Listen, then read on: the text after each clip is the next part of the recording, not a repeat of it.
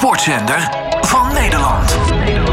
Dit is All Sports Radio. Ja, de afgelopen dagen was het tijd voor de halve finales van de Toto KNVB-beker. PSV won met 1-2 van Go Ahead Eagles en plaatste zich daarmee voor de finales. En ook Ajax gaat naar de Kuip toe op 17 april. Zij wonnen gisteren van AZ met 0 tegen 2. Aan de telefoon hebben we Martijn Baars, hoofdredacteur van Sportnieuws.nl. Martijn, een hele goede middag. Hey, goedemiddag. Ja, laten we eens eventjes beginnen met de eerste wedstrijd van de halve finales. Go Ahead Eagles tegen PSV. In september noemde PSV-trainer Roger Smit Go Ahead Eagles nog de beste ploeg die ze tot dat uh, toe gehad hebben in het seizoen. Uh, ze hadden ook een goed resultaat behaald natuurlijk tegen Ajax. Was het allemaal terug te zien in de wedstrijd? Ja, het was een hartstikke leuke wedstrijd. En PSV had het echt serieus moeilijk mee. Uh, stonden ook 1-0 achter vlak voor rust. Ja, toen ging het ineens, ineens heel snel mis voor de Eagles, wat echt jammer was.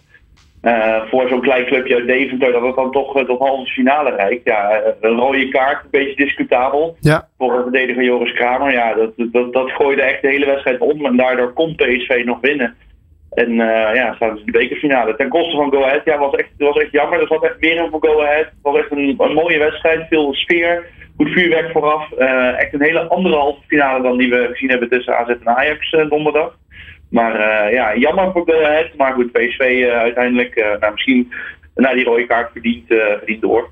Ja, inderdaad. Joris Kramer die pakte die rode kaart nadat de VAR ingreep. Eerst was het nog geel, daarna greep de VAR in, werd het rood. Dat wisselde eigenlijk net vlak voor rust. Dat gaf denk ik PSV in de kleedkamer het lekkere gevoel om daarmee het veld op te stappen. Hè? Ja, ja, het is ook nog eens dan een verdediger, dus dan moet je de hele organisatie omgooien. Dan moet de trainer van Go Ahead moet een aanvaller eruit halen om een andere verdediger erin te brengen. Ja, dan is de hele, de hele organisatie zoek. Ja, en geef dan uh, PSV maar uh, inderdaad een vrijgeleide, want met een mannetje minder, ja, dan is het voor Go Ahead niks anders dan gewoon rond de 16 geparkeerd staan en hopen dat je er nog penalties uitsleet. En PSV heeft dan wel genoeg kwaliteit om daar gebruik van te maken. Het was niet al te best. Uh, maar het was wel dominant op PSV na die rode kaart liet zien. En daarvoor was uh, Go Ahead wel echt een, uh, een, een, tegenstander waar PSV moeite mee had. Maar daarna was het ja, was eigenlijk eenrichtingsverkeer. Ja, was een mooie pot om te zien met veel passie. nou ja, dat merkte hij ook wel. Ook vooral bij de, de Go Ahead Eagles spelers. heel anders was de wedstrijd tussen AZ en Ajax, hè? Ja, die was uh, nou, met alle respect niet om aan te gluren eigenlijk. uh, AZ had afgelopen zondag uh, nog Feyenoord echt op een mooie wedstrijd getrakteerd. En gewonnen ook nog. Weer zo'n topper die AZ dan wint. Ja. en dus werd eigenlijk wel verwacht, omdat Ajax ook verloor van Go Ahead Eagles, dat ze het heel moeilijk zouden krijgen, de, de koploper en de regerend landskampioen en de regerend bekerwinnaar. Ik bedoel, Ajax heeft alle prijzen natuurlijk de afgelopen jaren gepakt. Maar het was echt Ajax dat de, de klok sloeg. AZ heeft denk ik twee à drie schoten gehad de hele wedstrijd. En die waren ook nog eens uh, over het doel van Onana heen. Dus uh, nee, Ajax had er helemaal niks van te vrezen. Een vroege 1-0. En in de laatste 10 minuten nog een counter eroverheen. En toen was het klaar, 0-2. En Ajax naar de bekerfinale. Ja, toch gek, want AZ heeft een heel goed kalenderjaar tot nu toe achter de rug. Maar in deze wedstrijd kwamen ze er niet aan te passen. Hoe zou dat komen? Ja, dat is een goede vraag. Want juist de afgelopen jaren is uh, AZ uh, echt een, uh, een bedrijver van de top 3. En sterker nog, ze winnen bijna al die topwedstrijden. Maar misschien zijn ze gewoon te diep gegaan tegen Feyenoord. die moesten ze echt over de, over de streep trekken. Ja.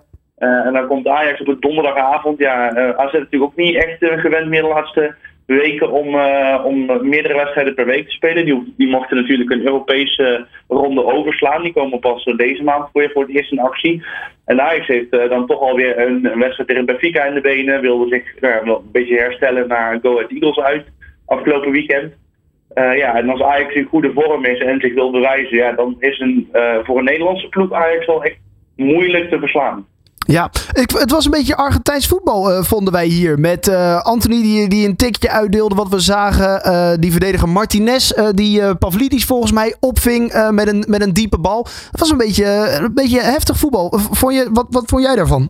Ja, vooral de eerste helft was dat het geval. Ja.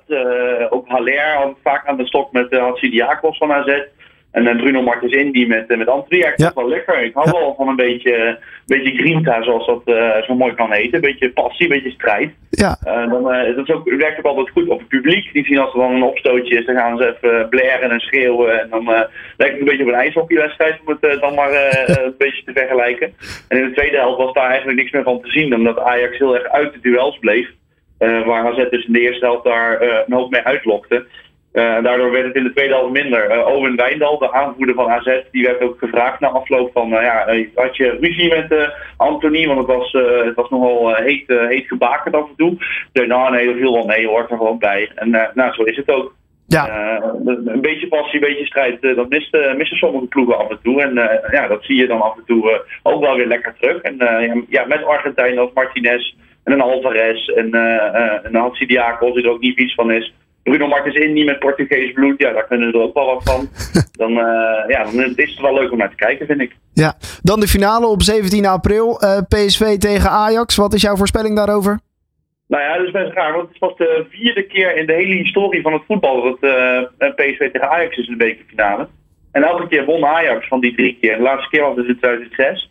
Dus ja, er is eigenlijk, je kan eigenlijk bijna niet anders zeggen dan dat Ajax die gaat winnen. Maar ja, Roker Schmid gaat afscheid nemen. Uh, die wil nog wel een prijs pakken met PSV. Ja. Uh, het is nog te ver weg. Het is nog anderhalve maand om er nu wat van te zeggen. Als Gakpo en Madueke wel fit zijn of niet, ja, dat maakt weer heel veel uit voor PSV.